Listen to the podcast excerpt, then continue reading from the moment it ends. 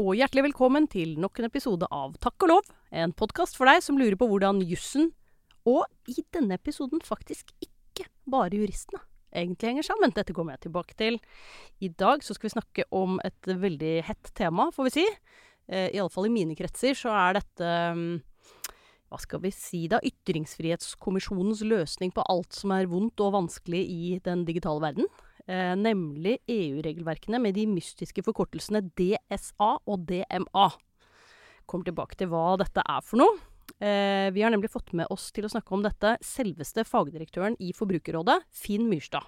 Velkommen hit, Finn. Tusen takk for det. Veldig hyggelig at du ville være med, og du er altså pioner i denne podden som ikke-jurist. Denne gruppen som vi jurister syns er mystisk og rar, men som vi av og til må forholde oss til likevel. Ja, men det er jo stas, da. Får håpe at jeg klarer å leve opp til eh, Hva blir det da? Ikke-jurist eh, Forventninger til ikke-jurister. Ja.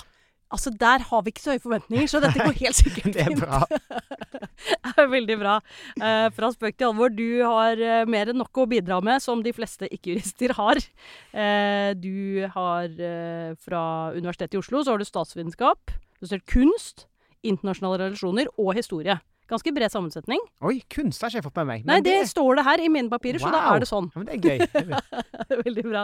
Og så har du vært på LSI. Ja. Eh, har en master of science, Mm. political science. Yes. Ja. Eh, og så har du en MBA fra eh, Health International Business School. Mm. En solid CV her sånn. Du har jobbet i Utenriksdepartementet, du har jobbet i Gelman Kise, Statnett, og er nå i Forbrukerrådet. Det stemmer. Ja. Vi prøver å få med et artig faktum om uh, våre gjester, og det som har blitt spilt inn om deg, det er jo at du faktisk har vært eh, reservekeeper for eh, Oxford, som da spilte i førstedivisjon i England. Og eh, dit kom du etter å ha invitert deg selv med på laget per brev. Det stemmer. Det var i gode gamle dager. Kan du utdype dette litt artige faktum? Nei, altså jeg var, jeg var vel 17 år og skulle være utvekslingsstudent i England. Og så var jeg veldig, veldig glad i å spille fotball. Og jeg tenkte det må jeg jo fortsette med. Og så var det jo fortsatt ikke så veldig utbredt med e-post og, og sånn. Så jeg sendte brev til et par fotballklubber i nabolaget der jeg bodde. Og en av de klubbene var Oxford United, og de spilte da i divisjonen under Premier League. Det er jo veldig høyt nivå, er det ikke det? Jo, Ja. det var kjempe, veldig, veldig moro. Og der fikk jeg være med et helt år. Eh, men jeg var jo på ungdomslaget, da, så jeg var jo blant liksom, de andre på min alder. Ja. Men jeg fikk jo gleden av, og mange av lagspillerne mine de kom jo til Premier League og har vært kaptein på diverse lag og, og sånn. Men jeg, jeg møtte veggen der, da. Jeg fikk oppleve det. Og så la jeg skoene på hylla når jeg flytta hjem til Norge. Jo, jo, men det er bra claim to fame, det der, altså. Ja. Jeg har eh, akkurat vite et par som var eh, Som er ufattelig opptatt av engelsk fotball, og har lagt eh, bryllupsreisen sin til, eh, til England for å gå på fotballkamper. Jeg lurer på om de nå har kommet hjem igjen, men eh, eh, jeg, det innbiller meg jo at de som er opptatt av disse tingene, for dem er dette ufattelig stort. Ja. Ja, nei, men det har vært opplevd det å se profesjonell fotball på fra innsiden. Og det var jo litt sånn i gamle dager, i slutten av 90-tallet, det var fortsatt litt sånn old school. Nå har fotballen endret seg veldig mye. Så de har sett hvordan engelsk fotball fungerte på innsiden. Og jeg var jo selvfølgelig nederst på hangstigen. Eh, og fikk oppleve både positive og negative sidene med det, da. Ja, hva var negativt? Nei, altså, du ble jo spytta på, tråkka på, Ja. Jeg husker veldig godt at jeg eh, toppspissen på United på det laget. um, han ble videre solgt til Premier League den sesongen. Men uh, vi skulle ha treningskamp før de skulle spille jeg tror det var FA Cup-kamp mot Chelsea. eller noe sånt. Så spilte de treningskamp mot ungdomslaget, og jeg sto i mål. Jeg, jeg er ikke spesielt høy, og det var en av grunnene til at jeg ikke ble proffkeeper.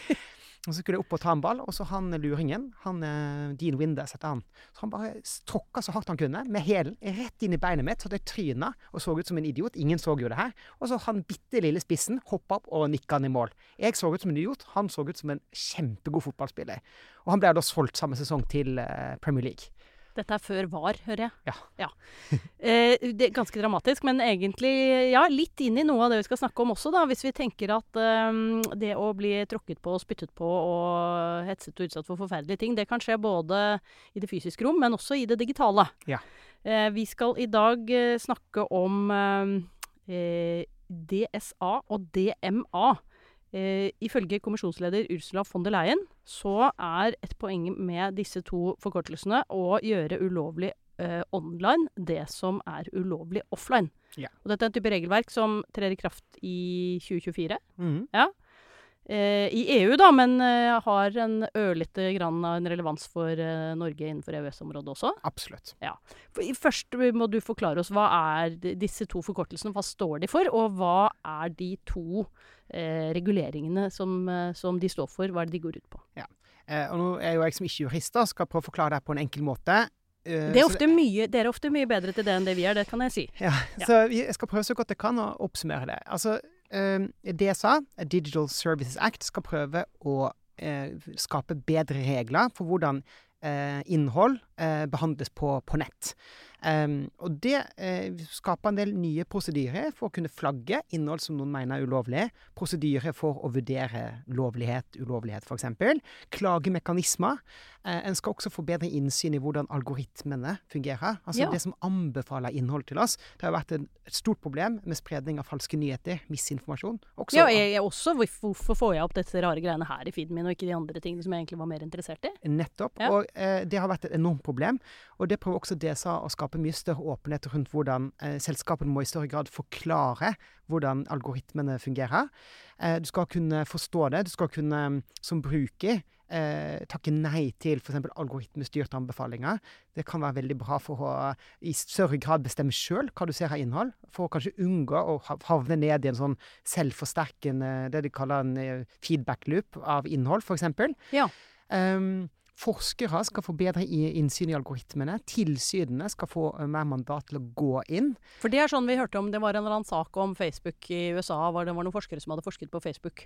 Ja. Og så ble de kastet ut fordi de, forsk, de forsket frem eh, funn som var ubehagelige for Facebook. Ja, eller- og så skjøv Facebook foran seg at eh, de beskytter personvernet til brukerne sine. ja, nettopp. Eh, og nå vil det da iallfall bli mye større grad av åpenhet knytta til akademikere som kan gå inn og, og gå algoritmene etter i sømmene, f.eks. Så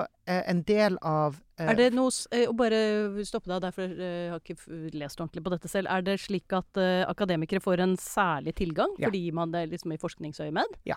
Og, og da er det et annet type hensyn enn eh, den beskyttelsesverdige interessen som ligger i jeg si, forretningsmodellen, som andre mennesker kan utnytte, og som man kanskje avgrenser mot eh, innsyn i. Ja, det er jo et veldig godt poeng. Ja. Altså Det vil altså garantert være en del utfordringer med det forslaget der. Ja. Og det blir ikke, jeg tror ikke det blir, det blir ikke sånn at enhver akademiker kan gå for innsyn. Eh, det vil være en del krav for å kunne bli forhånds, eller godkjent for å kunne gå og gjøre det. Og så vil jeg garantere, jeg har jobba med disse tingene i over ti år nå, at selskapene kommer til å prøve å gjøre det de kan for å skjule en god del ting. Nettopp definere det som forretningshemmeligheter, f.eks.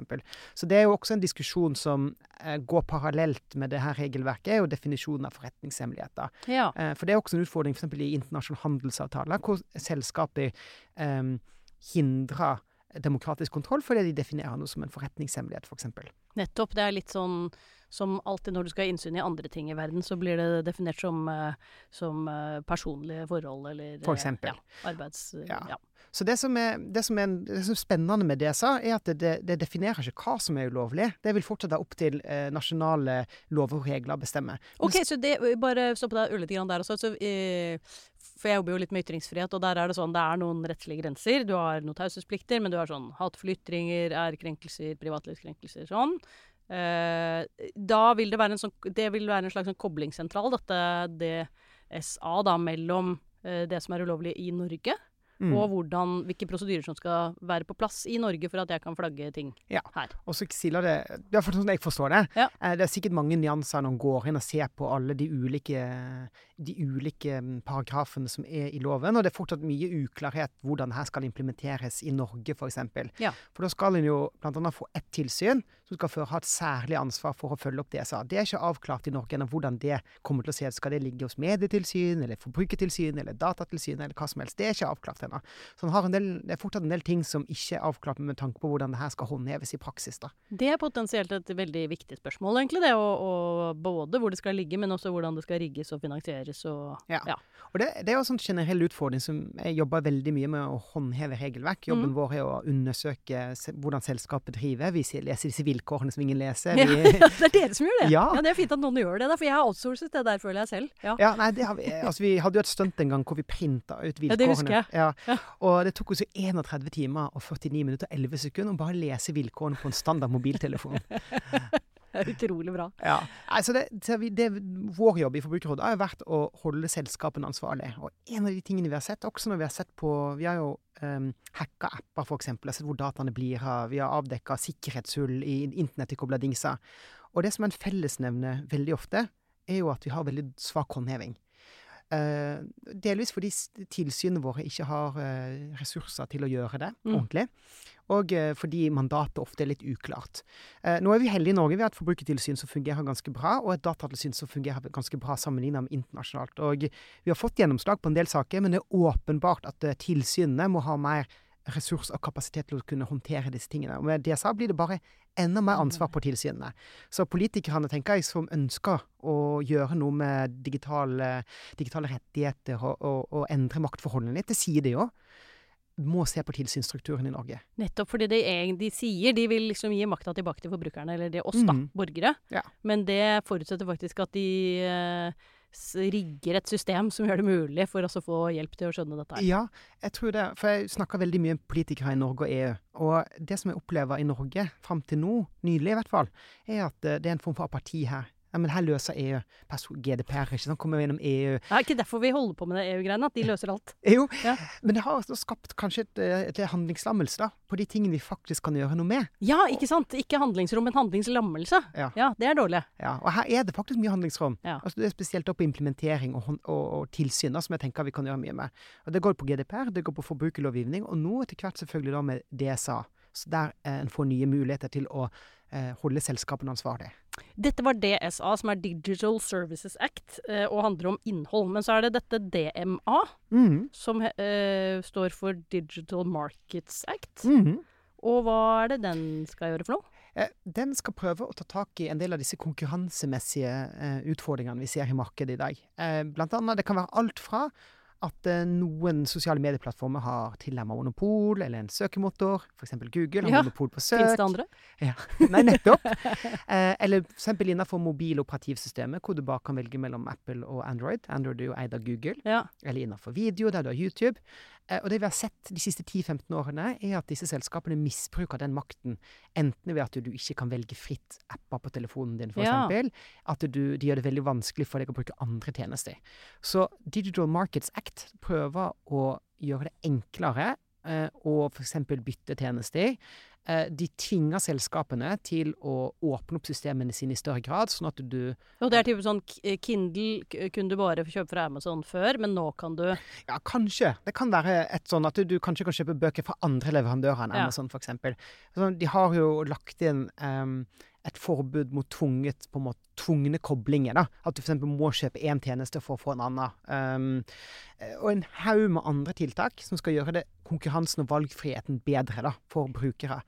I tillegg til at uh, det gir kommisjonen, Europakommisjonen for første gang makten til å ta konkurransegrep. For det har jo ligget på nasjonalt uh, nivå før i Europa, og det har vel gjort at uh, konkurransemessige aspekter, f.eks. ved oppkjøp. da, Når Facebook kjøpte WhatsApp, f.eks., ja.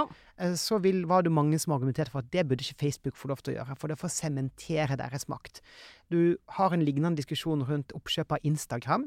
Det burde heller aldri fått lov til å skje, fordi det bare sementerte Facebooks makt. Og, og det, Er det sånn type antitrust-tenkning, eller er det I, I, større grad. Og her vil helt sikkert konkurranseeksperter bidra til å kunne nyansere det, men det gir i hvert fall muligheten for kommisjonen å kunne gripe inn når de ser at noe um, er konkurransemessig galt, da, på en måte. Så gir de mandat f.eks. til å stoppe oppkjøp. Ja. Så det, det, er bra. Og så får de muligheten til å gi bøter på opptil 20% av global omsetning. Det, det, er hev, det, er jo ganske heftig. Mm. For hvordan er dette Nå ble jeg bare sittende og tenke, det er ikke sikkert du vet det der, egentlig. Men det, du har jo en sånn uh, konkurransetypelovgivning i USA også. Men den, dette her blir egentlig strengere, da? Kanskje på noen områder. Men så vil jeg tro at antitrust-lovgivningen i USA går lenger på en god del andre områder. Ja. Jeg tenker, jeg ser på DSA og DMA som et første skritt til å på en måte holde eh, teknologiselskapene ansvarlig både på hvordan de jobber på innholdsbiten, DSA-biten, mm. og konkurransebiten, så er DMA-biten, da.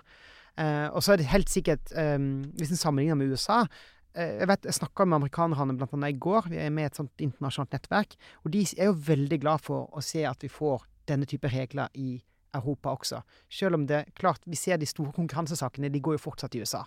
Ja, eh, Men hva er det de sier da? At uh, Asia og Kina finner opp, og USA finansierer og Europa regulerer? Ja. Vi er litt der eh, kanskje her også. For det, hvis vi bare løfter blikket ørlite grann, så er vi jo vi er jo i en situasjon hvor vi har en ny teknologi som har blitt utrolig omfattende. mm. Eh, altså internett, teknologiselskapene. Eh, og det er jo ikke første gang i historien at det kommer ny teknologi som gjør noe med verden vår, og Nei. paradigmeskifter og sånn. Uh, men da Gutenberg fant opp trykkpressen, så tok det jo 300 år med sensur før man liksom begynte å finne noen kjøreregler for det ytringsfriheten på trykket. Mm. Og nå har dette her har jo gått utrolig mye fortere globalt. Ja. uh, og alle egentlig strever litt med hvordan man skal regulere seg, Mm. eh, eller å tilpasse eksisterende regulering til Mm. internettets tid. Eh, og er det i det hele tatt tenkelig at det kan gjøres nasjonalt, eller må man tenke mer eh, iallfall regionalt, eller kanskje globalt? Ja. Jeg tror i hvert fall i første omgang så er det regionalt. At eh, vi har EU i hvert fall, som kan vedta disse tingene. Jeg deltok for det er vel rundt to uker siden nå. Um, på et seminar i regi av Nobels fredssenter. Der var nå Maria Ressa og snakka om ytringsfrihet og om hvordan teknologiplattformen har bidratt til å spre hatefulle ytringer, feilinformasjon Ja. eller misinformasjon. Og hun er jo veldig opptatt av at DSA og DMA er et, riktig, et skritt i riktig retning. For hun er jo veldig oppriktig bekymra for at forretningsmodellen i dag, eh, som de, mange av de store platt, plattformene har, baserer seg på å fange oppmerksomheten vår, Ja. holde på oss som brukere. Og måten de kan gjøre det på, er å vise oss mer og mer såkalt engasjerende innhold. Ja, og den, det som engasjerer mest, det er den følelsen som heter hat og sinne. Nettopp. Så det er i grunnen det man da bruker mest tid på å få spredd rundt omkring. Nettopp. Ja. Det går dårlig. Ja, så her kan en håpe at eh, spesielt med DSA, som skal bidra til å regulere innhold på en bedre måte, og regulere algoritmene på en bedre måte, at en kan få bukt med det. Men Maria Ressa var også veldig tydelig på at vi er nødt til å ha ytterligere tiltak eh, for å hva skal vi si, regulere denne forretningsmodellen. Og jeg tenker jo eh, at eh, hvis en sammenligner Du har sammenlignet med Gutenberg. og Hvis en ser på hvordan en har regulert tobakk, hvordan en har regulert eh, utslipp av olje, gasser, mm. CO2 f.eks. En må nesten se på eh, det her på, som, på samme måte. Vi skal ikke slutte med digitalisering, Nei. men en må eh, eh, finne måter å regulere det på en måte. På samme måte som at vi har regulert mattrygghet eh, gjennom at vi nå kan gå på butikken og vite at det, de varene vi kjøper, stort sett er ganske trygge. Ja. Du trenger ikke å lese innholdsfortegnelsen bakpå. Skjønne at det ikke har genikk oppi. Nettopp. Ja. Og i dag er det litt sånn at vi faktisk har produkter som jeg vil si kan være veldig skadelige, både for samfunnet vårt og på individnivå. Eh, fordi selskapene har en tendens til å vite ekstremt mye om oss, og eh, profittdriven er så høy Mm. at du får det er ikke nødvendigvis at det, det finnes onde mennesker i disse selskapene, men summen Ja. av de beslutningene de tar for å øke kundemassene sine, øke eh, at folk blir på plattformen, gjør at både konkurransen blir skadelig, den blir låst inne, men den også får innhold som holder oss der lengre, på en måte som er veldig skadelig for oss. Digital arsenikk, ikke bare rett i den koppen du drikker av, men i det demokratiske drikkevannet. Ja, Absolutt. Ok, eh, vi har snakket litt om hva det er for noe, også hvilke problemer det skal løse. Um, noen sider av dette her har jo, kan jo være problematiske i forhold til ytringsfriheten. Ja. Sånn, I hvert fall i den gryta jeg ramlet i da jeg var liten, så er det lett å se det fra den, den synsvinkelen. Og, og eh, er det noen av de måte, ytringsfrihetsinnvendingene som dere er opptatt av i, i Forbrukerrådet også, eller er det primært på den andre siden? Altså, det som har vært en frykt i de miljøene jeg beveger meg i, har jo vært at en pålegger plattformene et ansvar som gjør at de automatisk tar ned veldig masse innhold, f.eks. Ja, fordi eh, når effekten av å la mm, ulovlig innhold være oppe er eh, veldig høye bøter, Mm. så er insentivet veldig sterkt til å ta ned ting som, er i, eh, som til og med man kan være i tvil om. Ja. Og det gjør jo at man veldig fort vil fjerne veldig mye, mange flere ytringer enn egentlig de som skulle bort. Nettopp. Litt på samme måte som denne Facebook-loven i Tyskland fikk jo noen sånne konsekvenser, kunne man få inntrykk av. at Mm. Da var det et husstandsmedlem hjemme hos meg som lurte på ok, hvis de bommer på ikke å ta ned ulovlig innhold, og får høye bøter for det, Mm. det er greit, da tar de ned ulovlig innhold. Men hva om de bommer og tar ned noe som var vernet av ytringsfriheten? Burde de ikke få like høye bøter for det? Mm. Jo, Eh. ja, men det, det er et veldig godt poeng. Det har ikke jeg tenkt på. Du har sett også det erfaringer med såkalte pornofiltre, ikke sant, som tar ned kunst av nakne mennesker. Eller ja, ja. mennesker. Den eller berømte, hva var det, Nick Oats uh, bilde av den piken som ble utsatt for napalm under Nettopp. Ja. ja. Så, men Nå er ikke jeg en ytringsfrihetsekspert og, og har ikke jobba så mye med den vinklinga, men sånn som jeg forstår det, så vil ikke Så i hvert fall veldig mange jeg snakker med som kan det her veldig godt, eh, sier til meg at det foreløpig så um, må vi legge Vil ikke nødvendigvis de konsekvensene for ytringsfriheten med det lovforslaget som kommer nå, være så store. Um, men det kommer jo an på hvordan selskapene velger å implementere det.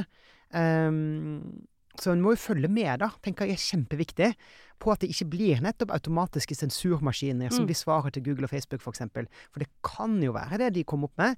Men eh, en har jo lagt opp til forhåpentligvis gode kontrollmekanismer for å unngå, unngå det. Nettopp det at en skal ha såkalte trusted flaggers, f.eks. på DSA. Ja. Så kan det være uavhengige organisasjoner. så Det kan være faktasjekksorganisasjoner. Okay. Det kan kanskje være menneskerettsorganisasjoner og andre ja. som bidrar til å og, og, og, flagge ting som er åpenbart ulovlige. Da.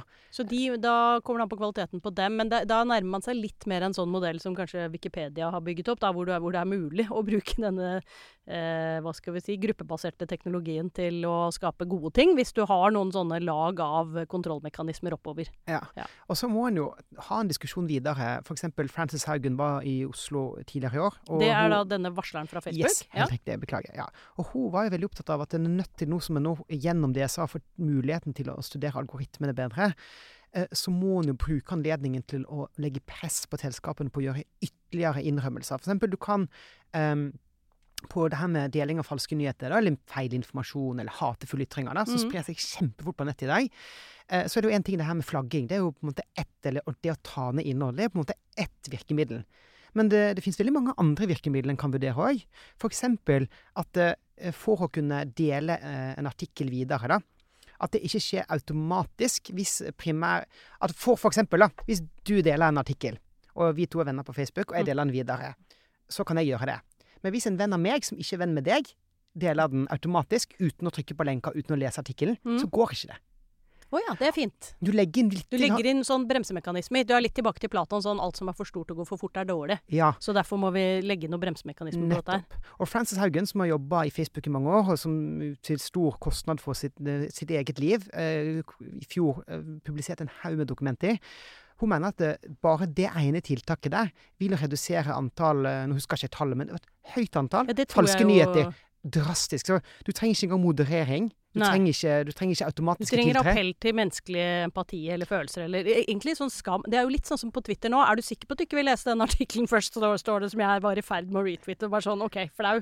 Jeg, jeg dropper å retweete den. Ja. ja. Jo, men en legger inn en del sånn friksjon, da, som gjør at uh, den uh, samtalen går litt saktere og litt mer gjennomtenkt, og ikke bare på sånn APR-ende impuls. Uh, ikke sant. Det er den reptilhjernen vi må bremse ørlite grann. Nettopp. Vi må tilbake til tenke sakte-hjernen. Ja. ja. Så her, må man tenke, så her må man tenke helhetlig. Og så en annen, en annen, et annet virkemiddel som vi er nødt til å diskutere, tror jeg, det er jo også rollen til investorer. De, hvordan de kan spille en aktiv rolle. Vi har jo et, eh, et av verdens største fond i Norge i dag. Ja, Var ikke det for ytringsfriheten? Vel, Ytringsfrihetskommisjonen har vel foreslått det, at det, pensjonsfondet utlandet må ta litt mer ansvar? Ja, det tenker jeg. Og jeg har um, kjennskap til at det, oljefondet, eller pensjonsfondet, de har jo det de kaller sånne um, forventningsdokumenter. Jeg tror det er åtte forventningsdokumenter i dag. Mm. Der de, eh, de, eh, har krav på en måte som de stiller når de skal inn i møte på årsmøter og sånn.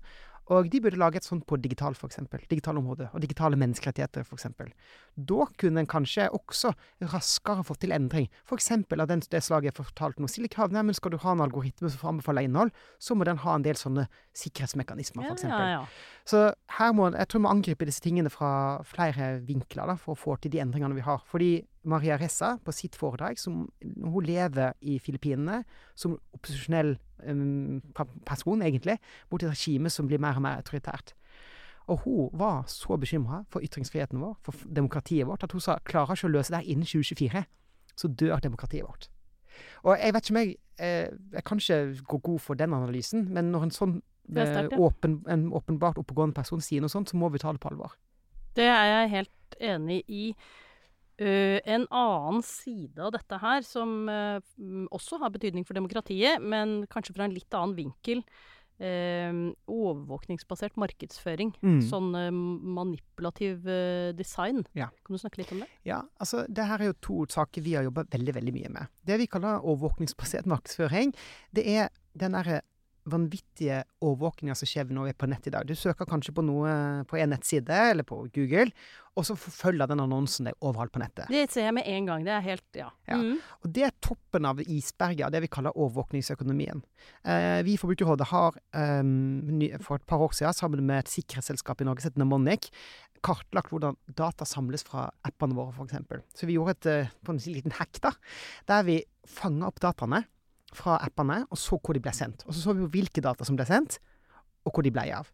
Og det vi avslørte, bare for å ta et eksempel, fra de ti appene vi så på Hva slags apper var det? det var datingapper, og det var, det var noe sånn um, syklusapper, og det var apper som samla inn ganske personlig Ja, ja. informasjon, der du kanskje tenkte at her passer de ekstra godt på. Ja. For Men- dette er veldig personlige ting. Veldig personlige ting. Det var egentlig data som vi kategoriserer som veldig sensitive. Ja, for det er sånn seksuelle preferanser til og med eh, av og til, det. Eller Nettopp. sånn. Ja, nettopp. Og datingapper Ja, ja. kan jo avsløre det ganske bra. Eller ganske lett. Så vi, vi analyserte det, og bare for å gi et eksempel De ti appene delte data med mer enn 135 ulike aktører. Kommersielle aktører. Det er jo ikke sikkert man vil, hvis du går til legen og forteller om ting, at hvis du vet at den legen deler med 135 kommersielle aktører, er det ikke sikkert du ville sagt alt det samme. Nettopp. Nei. Da snakker vi om nedkjølingseffekter og ytringsfrihet. Ja. En veldig klar lenke der. Ja. Og når vi så på, de, eh, vi så på alle disse 135 selskapene, Ja. og mange av de har, og det her er helt sånn sjokkerende egentlig, har som forretningsmodell å kjøpe og selge våre data. De er såkalte databørser. Og vi gikk inn, bare for å ta ett eksempel, da, den verste appen vi så på, det var Grindr-appen, som, ja. for, eh, som markedsfører seg som verdens største app for eh, homofile, bifile, eh, trans, eh, queer Altså det har hele spekteret av eh, ulike seksuelle orienteringer som Ja. den på en måte skal eh, koble sammen. Ja. Og det er jo veldig privat informasjon. Den delte data med hva var det, 10-15-20 selskaper. Vi så på ett av de selskapene. Den delte de videre med 100, potensielt 170 andre selskaper. Og ett av de selskapene av de 170 forbeholdt seg retten til å dele videre med 4000 andre selskaper. ja, for, ikke sant? For det er den videre delingen der, ja. Boom. ja. Så, så det er et, det, det er det vi kaller et eh, markeds... Det her er da markedsføringssystemet som lever på internett i dag. Facebook og Google er en del av det her, de òg. De er dypt integrert i det, for det handler om å få mest mulig informasjon om oss, så den blir spora på tvers av apper, på tvers av nettsteder og på tvers av enheter. Mm. Eh, og da samles informasjon om din seksuelle orientering, eh, hvor du befinner deg til enhver tid, f.eks., mm. kan samles inn. Og så trekkes det konklusjoner eller slutninger om vårt liv. Og, Og- de kan jo være ganske treffsikre, har jeg skjønt. De det skal ikke så veldig personlige opplysninger til heller, før Nei. du kan omtrent predike hva jeg stemmer ved valg og Ja. Absolutt. Ja. Altså, du hadde, det var vel en studie som viste at eh, bare liken din på Facebook eh, kunne anslå for seksuell legning. Altså hva du har likt av nettsider og, og sånn. Jeg har helt- å like ting. Eller bortsett fra ikke så veldig spesiell spennende legning, tror jeg. Så det Nei, men, da, men uansett så kan du trekke konklusjoner. Og de konklusjonene som du trekker da, kan være riktige. Men de kan også være gale. Ja. Fordi hvis jeg søker f.eks. om kreft, Ja. så trenger ikke det være en indikasjon på at jeg har kreft. Det trenger ikke være en indikasjon på at noen nær meg har kreft. Men det kan, være, eh, det kan være fordi jeg ønsker å få mer informasjon. Men det vi vet, er at folk pluttes i veldig mange ulike kategorier, og så rettes det reklame eller budskap mot oss basert på de slutningene folk trekker om oss. Og da kan det skje at eh, du kanskje ikke får reklame fordi noen eh, definerer deg som en risikokategori. Du får ikke tilbud om helseforsikring, f.eks. Nei, nettopp. Eller at frykten din f.eks. for, for eh, svarte katter gjør at du eh, Må ta et helt tilfeldig eksempel. Ja, ja, Jeg vet ikke om du er redd for svarte Nei, katter. ikke så veldig egentlig, men jeg kan vurdere å bli det. Ja. Kan en da bruke eh, på for å type manipulere deg, enten til å mm, eh, nå, Det var kanskje et dårlig eksempel med svarte katter, men eh, En kan avsløre alle svakheter. La oss si at jeg har et gamblingproblem, f.eks. Ja. Eller latent gamblingproblem. Jeg er ikke klar over det. Så kan, eh, hvis et gamblingselskap laster opp kundelista si f.eks. til Facebook, for de har en funksjon som heter lookalike audiences. Så da kan de matche den kundelista som de har eh, i dag, og så ser Facebook ok, det er kundene. Vi har jo profil på alle sammen, ikke sant? Mm. Og så ser jeg her er det segmentet Facebook-brukere som ikke er kunder hos dere, men som ligner veldig på de kundene dere har i dag. Og det gamblingselskapet vet at alle de kundene de har en gamblingavhengighet. Mm. Og her har vi en hel kundemasse som ikke vet at de er gamblingavhengige, men som kan bli det. Ja. Og så plasserer de en annonse foran meg når jeg er på mitt svakeste, Ja. f.eks. på kvelden. Ja. Natt, natta. Og så kan de gi meg tilbud som jeg ikke kan motstå. Ja. Og det kan du tenke, De parallellene kan tenke deg til spiseforstyrrelser, eh, til eh, alkohol, til alle mulige svakheter. Junkfood, for eksempel. Ja. Det er jo mange i USA for eksempel nå som mener at eh, junkfood, eller fedmeepidemien Skyldes Ja, det, altså, det er jo sos psykososiale forhold her. Jo, men det er manipulativ reklame. Men du eller kan treffe tilbud. den Ja. befolkninga med tilbud om junkfood, som bare fører til økt fedme, f.eks. Så vi Det var en lang historie for å Ja, men dette var veldig, ja, veldig interessant. Og, og jeg, nå kjente jeg at eh, de algoritmene tror åpenbart at jeg er ganske svak for junkfood, for jeg får sånn Volt-reklame hele tiden. Det er ikke egentlig det. Altså, der de, det er jo betryggende, syns jeg av og til, hvor rart de algoritmene beregner hva jeg egentlig har lyst på. For Ja. eksempel så fikk jeg fra LinkedIn Det var eh, topp mulig ny jobb for deg. Ja, vet du hva det var for noe? Nei. Det var Street Name Reviewer i New York City. Så det er da min fremtid, åpenbart, som jeg ikke har vært klar over frem til nå. Som jeg gleder meg veldig til å ta fatt på. Ja, du kan heise til Big Apple. ja. Ja, og, og anmelde gatenavn. Det er sånn Third Street. Nei, det syns jeg er ganske dårlig. Ca. en treer på terningen. Ja. OK. eh, vi må gå inn for landing. Dette er jo helt ufattelig spennende. Um, eh, og uh, litt uklart for meg fremdeles hvor mye av alle de problemene vi har spilt opp, som løses av det jeg sa og det ma. Ja, Ja. Da, skal jeg, da skal jeg prøve å eh, For nå snakker jeg om overvåkningsbasert reklame. Ja. Der eh, har vi hatt en internasjonal kampanje gående. Vi fikk med oss 60 organisasjoner i fjor. Vi publiserte en rapport om det her. eh, og det ble laga internasjonale koalisjoner for å skape Det var et forbud mot det. Og det er veldig kontroversielt. Mm. Fordi eh, vi, kan, vi forbyr jo i praksis eh, deler av forretningsmodellen til Google og Facebook hvis vi hadde fått gjennomslag for det. Eh, derfor har jo Facebook, Google og andre kjørt en massiv kampanje i Brussel og andre steder mot dette forslaget. For de mener at eh, vi kommer til å forby det frie internett. Vi kommer til å ta livet av um, fri presse. Det er også, Hvis det hadde vært sant, så hadde jo det vært veldig synd. Ja. Um, vi mener det ikke er riktig. Vi mener at da kan du få, du kan få reklame som baserer seg på kanskje litt personlige data. Kanskje data du gir fra deg frivillig, Mm. som ikke blir samla og tatt fra deg. Eller du kan få kontekstuell reklame som baserer seg mer på At man rett og slett regulerer det litt. Ja. Så det er egentlig den samme type lobbymotstanden fra disse selskapene mot dette initiativet, som mot den derre mm, Section 230 Ja. amerikansk ja. Eller, og jeg liker ofte å eh, også sammenligne f.eks. forbudet mot KFK-gasser på 80-tallet, der eh, en sa at KFK-gasser er veldig skadelig for ozonlaget. Ja. Bransjen, industrien, sa nei, men vi kan ikke forby det her, fordi da kan ikke vi lagre maten kaldt lenger. Alt går under matkrise. Ja. Så kom Montreal-protokollen i 1990, forbøy KFK-gasser. Og jeg tror vi har fungerende kjøleskap og frysere i dag uten. KFK-gasser. Det er så vidt. Ja. Men, og det, det er veldig interessant. da. Det er jo et godt eksempel på at denne type kampanjer faktisk kan. Slå gjennom, og at bransjens tiltro til eh, behovet for eh, å gjøre alt sånn som de har gjort det frem til nå, ikke nødvendigvis er så stort. Nettopp. Og da skal jeg avslutte med at DSA lagde et forbud mot det her, den type reklame mot barn. Så det er jo et eh, skritt i riktig retning, Ja. tenker vi.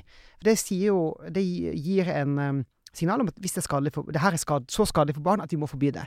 Og da vil jeg dra det litt lenger og si hvis det er skadelig for barn, så er det nok ganske mange andre grupper i samfunnet som det også er skadelig for. Så, eh, og hvordan det her skal implementeres i praksis, det er også veldig uklart. Men det kom i hvert fall inn som prinsipielt viktig, men jeg veit ikke helt hvordan vi skal implementere det.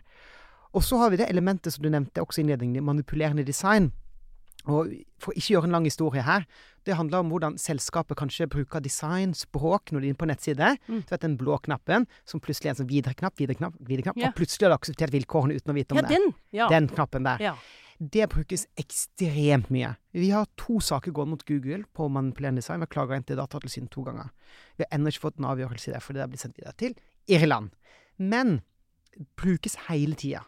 Og vi klagde inn Amazon i fjor for bruk av manipulerende design. Og i sommer så kom kommisjonen eh, med et vedtak mot Amazon basert på vår klage. Og sa at dere får å holde på sånn. Og vi fikk til global endring. Fordi manipulerende design, det det bidrar til, er at det lurer seg til dataene våre. Fordi du blir lurt til å si ja takk til alt, f.eks. Det lurer til seg tida vår fordi den, du, du designer sidene på sånn måte at vi blir lenger og lenger. Mm. Og lurer til å seg penger fra oss, fordi vi ikke klarer for å melde oss ut av en tjeneste. Vi Mm. bare blir på et evig abonnement, f.eks. Eller at vi plutselig kjøper et ekstra sete, dyrt sete på flyet, og kjøpt eh, tre forsikringer til bilen. Det er manipulerende design. Ja. Og det kom det to ulike forbud innenfor i DSA og DMA. Dessverre ble de vanna ganske kraftig ut. Så det her er eh, områder vi kommer til å jobbe mye mer med framover. Fordi det er ganske store Det kan undergrave egentlig hele det frie markedet og alle de andre reglene vi har, hvis vi ikke får manipulerende design under kontroll. Dette var en meget god avrunding, og den var også ganske oppløftende, syns jeg. På vegne av, altså Nå har vi vært inne i et litt sånn dystopisk landskap, eh, eller i hvert fall det skadepotensialet, Ja. eh, oppi alle de positive sidene ved internettet. Det er ganske stort. Men du har jo egentlig vist flere eksempler her på at det er mulig å starte i det små, til og med fra ett lite land og ett lite forbrukerråd, og dytte, dulte eh, de store regulatorene i riktig retning på en måte som skaper endring. Vi håper det. Veldig bra. Du, vi inviterer eh, alltid gjesten vår til å dele en liten historie med oss. Eh, et eller annet eh, du kunne tenke deg at våre lyttere burde ha hørt. Hva skal de ha hørt? Ja, for å liksom fortsette som sånn eh, personverngeek, da, eh, så det er en historie som jeg kan fortelle, som er ganske er illustrerende for det vi har diskutert i dag. Eh, fordi For et par år siden så skulle jeg få mitt første barn. Og det er jo stas. Veldig gøy.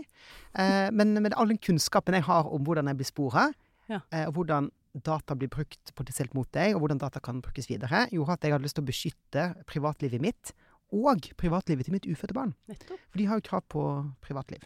Dette har jeg en flink stipendiat som nå skal skrive doktoravhandling om. Ja. Oi, det vil jeg veldig gjerne høre mer om etter Ja. sendinga. eh, og det er eh, Det jeg gjorde da, var at jeg sletta Facebook Google-appene fra telefonen min. Eh, oppretta sånne mm, søk på fødselsrelaterte ting på uavhengige søkemotorer. Jeg begynte å bruke nettlesere som ikke var eid av Google og Microsoft. Ok. Det fins mange av, heldigvis. Jeg flytta all chatten min fra Facebook Messenger over på krypterte meldingstjenester som et signal. signal. Problemet var at ingen andre vennene Nei, mine nei, var det der. er du får ikke tak i noen. Så- men du får snakke i fred, da. Ja, men med deg sjøl. Nå har jeg heldigvis fått mange over dit. Men jeg gjorde alt jeg kunne med min kunnskap å beskytte privatlivet mitt og Ja. mitt ufødte barns privatliv. Allikevel, når eh, to måneder etter dattera mi ble født, så kom jeg på Facebook, og så får jeg en reklame som er retta til meg som far til en jente. Why don't you buy this father-daughter gift? Jeg bare Er det mulig? Er det mulig? Men hvordan hadde de fått lov det, det er fortsatt et stort mysterium. Jeg trykka på den knappen som skal være sånn her Why am I seeing this Ja, ja. ad, som alle annonser har. Så det This company wants to reach uh, men between 20 and 50 living in Oslo. Og jeg nekta å tro at alle menn mellom 20 og 50 så den annonsen den dagen. Så her er det åpenbart at det, selskapet Facebook visste et eller annet om min livsendring. Mm. For det er de alltid på utkikk etter å finne ut, for det, livsendringer betyr en større verdi. Vi er mer mottagelige for reklame Reklame. for noe nytt, ja. for noe nytt. Og, og den markedsføreren, som åpenbart solgte sånn type far-datter, far-sønn-gaver, mor-datter, alt det her, visste det her. Og jeg har ennå ikke funnet hvordan det her har skjedd. Det. Eh, Sannsynligvis er det noen som har sendt meg en melding på Facebook, og så har gratulasjonen Ja, ja. meg med det her. Og så um, Men det er ganske spooky, altså. Ja. Har du hørt, vil jeg si. Eh, Ja. Og det var sånn skikkelig vekker for meg, og det, men det er jo det som driver meg litt framover her, da. For det her kan ikke løses av at vi tar individuelle valg, informerte valg. Vi må jo gjøre det så godt vi kan, men det løser ikke det her markedet. Her Nei. må det regulering til. Uansett hvor gode vi er, så er det ikke godt nok. Tusen takk for at du kom og snakket med oss om dette, Finn. Det har vært en, eh, en, en, en, en rasende hurt hurtig eh, og innholdsrik gjennomgang av utrolig mange spennende spørsmål. Eh, Jeg kunne gjerne snakket veldig mye lenger om dette her, men det får vi ta i en eh, annen pod en annen gang. Ja, Tusen takk for at du var med oss, og tusen takk til dere lyttere som var med oss også gjennom denne episoden her. Og før vi vet ordet av det, så høres vi igjen i neste uke. Takk og lov. tusen takk. Da går vi over til litt reklame. Hvis du vil vite mer om disse mystiske forkortelsene, som eh, også kan omtales som EUs digitalpakke, så kan du gå til juridika.no og lese mer i magasinet Innsikt. På Juridika så får du også tilgang til den ajourførte lovkommentaren til personopplysningsloven og personvernforordningen, skrevet av Åste Marie Bergseng Skullerud, Cecilie Rønnevik, Jørgen Skorstad og Marius Eng Pellerud. Juridika, ditt juridiske bibliotek. Med Juss Digital fra Juristenes Utdanningssenter får du tilgang til markedets største portefølje av juridiske kurs. I abonnementet kan du plukke og mikse fra deres portefølje av levende juss. Det skal være enkelt å ta vare på sin egen kompetanse, mener Juss. Og med Juss Digital så har du din etterutdanning tilgjengelig der hvor du er.